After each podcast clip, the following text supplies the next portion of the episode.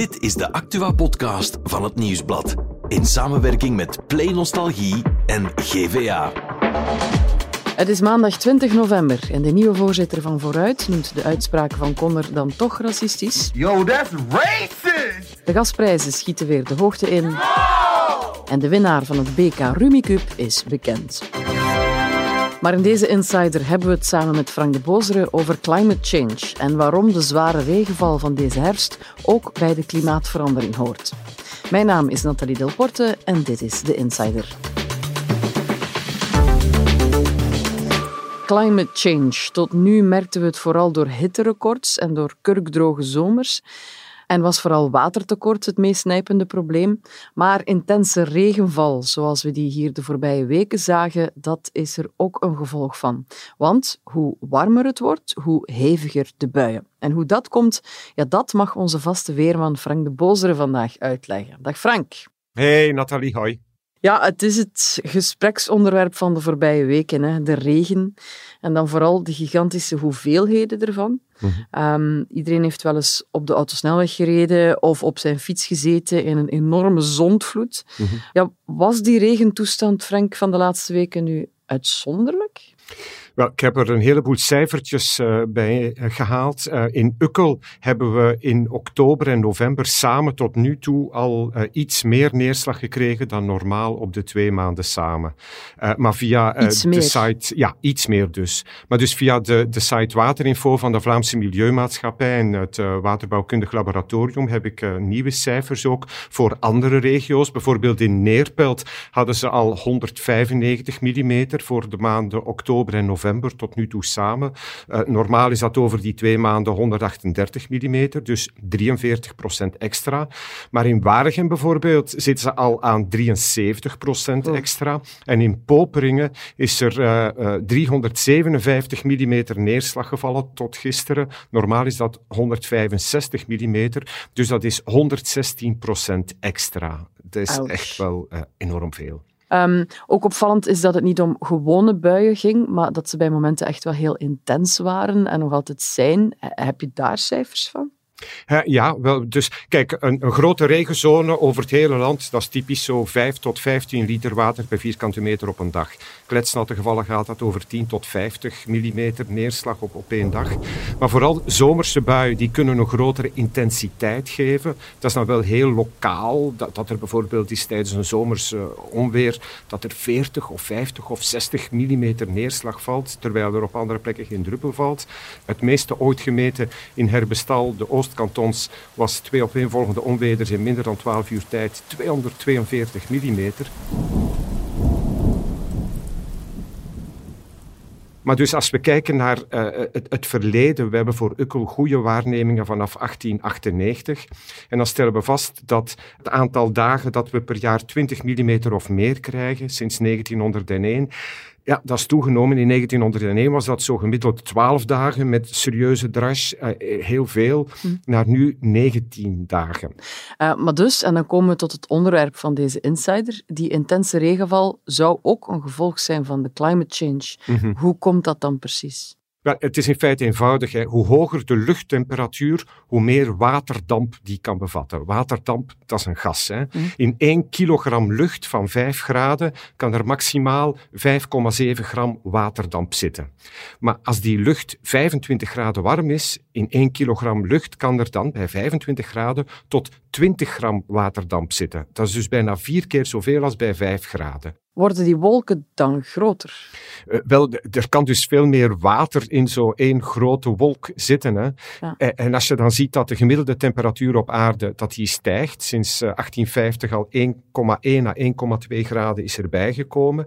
En waarschijnlijk gaan we in 2023 al naar 1,5 graden. En dan ligt dus ons fameuze klimaatakkoord van Parijs van 2018 al aan diggelen voor we nog goed en wel begonnen zijn om klimaatproblemen te counteren. Dus in feite worden we koudweg in snelheid gepakt. Ja. Enfin, koudweg eh, is eerder warmweg natuurlijk. Hè. Ja. Dus, dus als, het, als het elders warmer wordt, dan krijgen wij meer regen? Uh, gemiddeld gesproken, als het warmer wordt op de wereld, gemiddeld gesproken in de hele wereld, zorgt dat voor meer neerslag. Nu, Frank, het weer voorspellen, dat is zelfs met alle mogelijke gesofisticeerde weermodellen van nu voor een weerman al super moeilijk om te doen. Dan moet dat zeker ook zo zijn om als weerman te zeggen, voilà, dat is nu allemaal het gevolg van de klimaatverandering.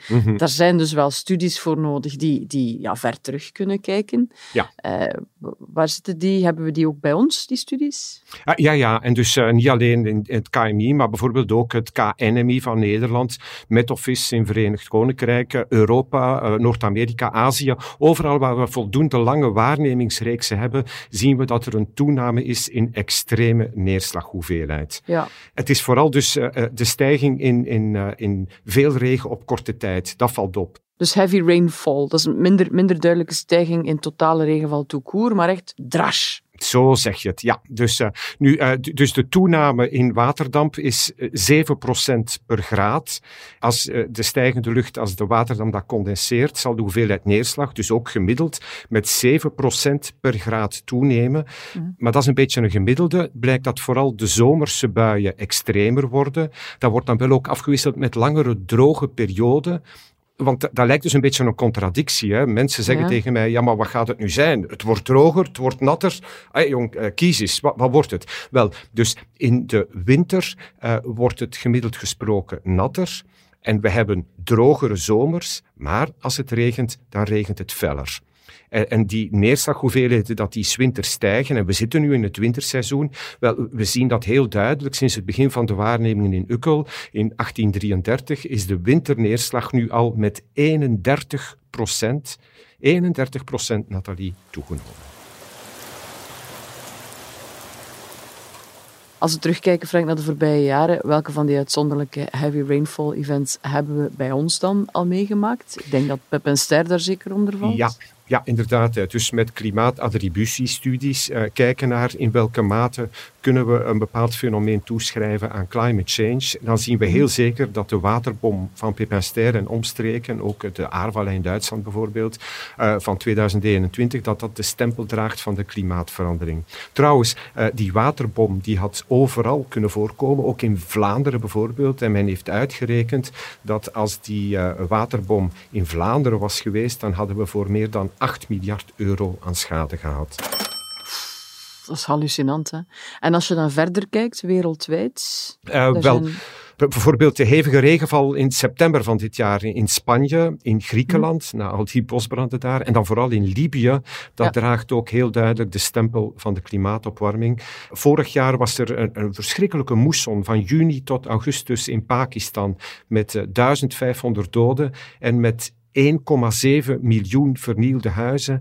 De voorbije jaren heeft men duidelijk kunnen aantonen dat zware overstromingen in bijvoorbeeld Zuid-Afrika, in Madagaskar, in Mozambique, in Malawi, dat, dat de hand eh, heeft van, van de klimaatopwarming. Waarbij het dikwijls opvalt dat het eh, ja, landen zijn die niet meteen hebben bijgedragen tot eh, het, het broeikaseffect, dat zij dikwijls de, de zwaarste prijs betalen. Je hebt het over landen die, die weinig beschermd zijn. Nu, de vraag is ook in hoeverre kan je er tegen beschermen? Want je spreekt van waterbommen. Mhm. Dat is, ja, wat kunnen wij daar als, als kleine mensjes ehm, tegen doen? Eh, wel, ja, toch wel een deel. Hè. Kijk, eh, in 76, 1976 was in Vlaanderen 4 à 5 procent verhard. In 2000 al 9 à 10 procent. En tien jaar later 15 à 16 procent van Vlaanderen verhard. Dus heel veel natuurgebieden die in feite bedoeld waren om als buffer te dienen bij grote neerslaghoeveelheden, die hebben we drooggelegd. We zijn daar gaan wonen. Maar ja, water hou je niet tegen. Hè. Dus dat stroomt naar de lage gebieden en dat stroomt snel, te snel weg. Zorgt dan voor overstromingen. En, Nathalie, tegelijk zijn we dat water dan ook kwijt, terwijl we het goed kunnen gebruiken, want er zullen in de toekomst ook nog wel lange droge periodes komen. Want dus we hebben dat water, en dat klinkt cru om het nu te zeggen met eh, al de wateroverlast, maar we hebben dat in feite echt nodig. Eh, als je weet dat Vlaanderen per inwoner heel weinig water ter beschikking heeft, eh, minder dan de gemiddelde Australiër of de Portugees of een Turk of een Spanjaard, die hebben per inwoner meer water ter beschikking dan Vlaanderen. We, we zitten hier echt in ja, een, een, een probleemgebied en dus we moeten spaarzaam zijn met water, hoe vreemd het ook klinkt. En stel, uh, ik wil ergens gaan wonen, hoe, hoe kan je checken of, of die plek um, gevoelig is voor overstromingen? Ah, dus een heel goede site, een watertoets, waar je kan kijken of, of het daar mag. En de Vlaamse overheid is daar nu toch een stuk strenger in dan vroeger. Vroeger werd al eens een oogje dichtgeknepen, er werd een gebied drooggelegd en kijk, je kan daar gaan wonen. Ja, en als mensen met alle dan, gevolgen van dien. Voilà, als je dan uh, een kelder uh, hebt en, en je gaat daar al je dure apparaten in zetten, ja, dat is vragen om, om problemen. dus ja, het is toch wel altijd interessant als je ergens gaat wonen, om ook eens in de omgeving te vragen van, kijk, hoe, hoe, hoe zit het hier? Ik zal eerlijk zeggen, wij wonen hier op een appartement en uh, in, op uh, min 2 staat de auto. Als er code rood is, ja, dan gaat die auto toch, ik zal hem wel ergens uh, parkeren en ik zal kijken waar hier ergens een hoog plekje is ja. uh, in, in, de buurt waar ik dan de auto zal zetten. Of we moeten allemaal hoger gaan wonen, hè, op twaalfde verdiep of zo. Mm -hmm. Nu, ik, ik neem aan dat we kunnen wel zelf dingen doen. Toch? Ja, zeker. Hè. Alle beetjes helpen. Hè. Uh, er is bijvoorbeeld, begin dit jaar was er het Vlaams kampioenschap tegelwippen. Ja. Dat is schitterend woord trouwens. Dus zoveel mogelijk tegels verwijderen om harding tegen te gaan. Of uh, kies voor een regenwaterput. Dat is dubbele winst. Kleinere kans op wateroverlast. En een hele voorraad water om de droge periodes door te komen. Ja. En op heel korte termijn, voor we elkaar eind deze week terug horen bij meer weer, wanneer gaat het nu stoppen met regenen? Wel, dus uh, uh, vandaag maandag hebben we nog die felle buien, maar dinsdag en zeker woensdag uh, wordt het een stuk droger. Ik denk woensdag is helemaal een droge dag en daarna ja, zouden we opnieuw een beetje verzeilen in, in wat wisselvalligheid. Dan zou het geleidelijk aan wat kouder kunnen worden. Maar na vandaag, na maandag, zie ik toch niet meteen de grote neerslaghoeveelheden en laat ons dan hopen dat het water geleidelijk aan wegtrekt. En dan kan iedereen weer een beetje op adem komen. Dank u wel daarvoor. Graag en voor je zeer duidelijke, verhelderende uitleg. Frank de Bozere. In de archieven van Assisen liggen dikke dossiers van oude moordverhalen. Over de Bonnie en Clyde van Antwerpen. Over een passionele eermoord onder diplomaten. Over de aanslag op de koning der Belgen. Ik ben Cedric Lagast host van de Stemmen van Assise. En al drie zomers lang duik ik in al die vergeten oude Assisezaken. We hebben nu al die verhalen gebundeld in één handig podcastkanaal, waar je direct alle afleveringen terugvindt. In de archieven van Assise, vanaf nu in jouw favoriete podcast-app. En voor het andere nieuws is Bert erbij komen zitten.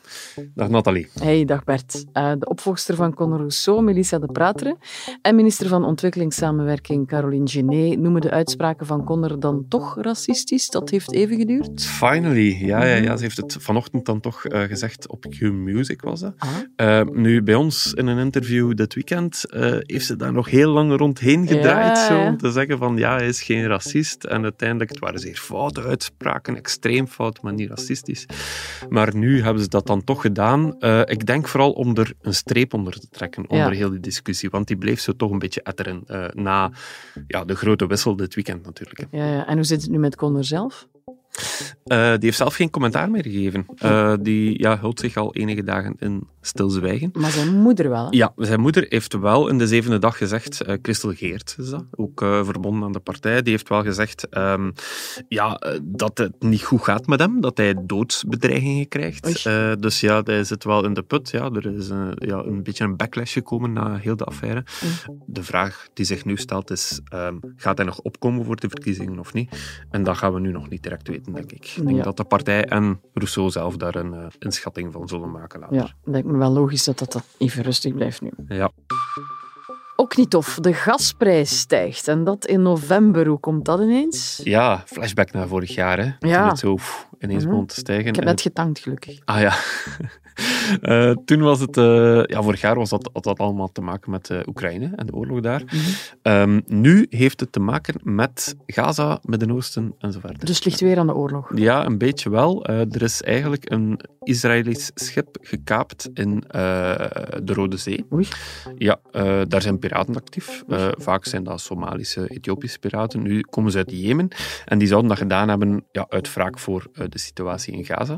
Ehm, nu, Israël wijst al naar Iran, dat zij daar hebben aangestoken. In Mhm. elk geval, heel die kaping, heel die onzekerheid, die zorgt er eigenlijk wel voor ja, dat, de, ja, dat de bevoorrading daar niet kan verzekerd worden. Ja, En dat zorgt natuurlijk weer voor stijgende gasprijzen. klinkt heel complex, niet tof. En gaan we dan naar heel hoge prijzen terug? Ehm, niet per se. Nu is het wel met 6,9% gestegen. eh, maar ja, experts vermoeden dat het eigenlijk vooral een opflakkering is. En dat, we, ja, dat het wel weer redelijk snel zal dalen. De situatie is helemaal niet hetzelfde als vorig jaar. Oké. En toevallig heb ik het dit weekend nog gespeeld op familieweekend, maar er is blijkbaar ook een officieel Belgisch kampioenschap van Rummikub. Ja, ik wist dat ook niet. Ja. Nee? Maar het is nu dus gewonnen door een zekere Camille Leskrawaat, 26 jaar. 26. Ja. Eh, is dat hier eerder iets voor mm, toch gemiddeld iets oudere mensen? Zo? Voor haar, Wat is haar bomma of Gemiddeld iets ouder, Nathalie. niet, voor Ja. haar bomma zo'n beek aan Rummikub. Nee? Nee, nee, Camille vindt van niet. Nee, nee, nee. Ah. Ze zegt, het is een jong en hip spel en wij spelen het op café. Oh, cool. Eh, dus ja, eh, de jeugd is volledig mee. En gaat ze dan ook naar een WK? Er is een WK, ze gaat naar het WK in Polen. Nu, in de voorbereiding hier, Ja, Nathalie, is uitgekomen dat jij ook ooit nog aan een Rummikub-wedstrijd hebt deelgenomen. Ja, dat is waar. Ik, ja, ik weet niet meer wanneer en wat voor wedstrijd het precies was, maar het was in het Speelgoedmuseum in Mechelen. het was zeker geen WK, maar het was, het was tof. Het was wel met heel strikte regels, want er zijn blijkbaar toch heel strikte regels voor. Ja, maar dat is altijd wel moeilijk. Als je zo begint te bouwen in een Rummikub, en hoe ver mag je gaan en hoeveel steentjes En in kunnen welke blijven richting moeten ze liggen en daar de kleintjes en daar Ah, dat soort Ja, ja, ja, dat wordt zo geordend. Ah nee. Maar ik kreeg wel alle, alle Ja. verschillende Rummikub speldozen mee en dat is tof. Oh, dat is cool. Oké. Dus ja, leven Rummikub. Dat heb jij niet, hè? Dat heb ik niet. Allee. Dankjewel Bert. Morgen zijn we er opnieuw met een nieuwe Insider.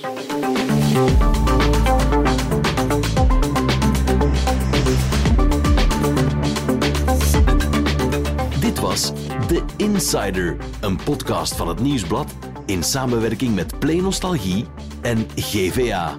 De muziek is van Pieter Santens. De montage gebeurde door House of Media.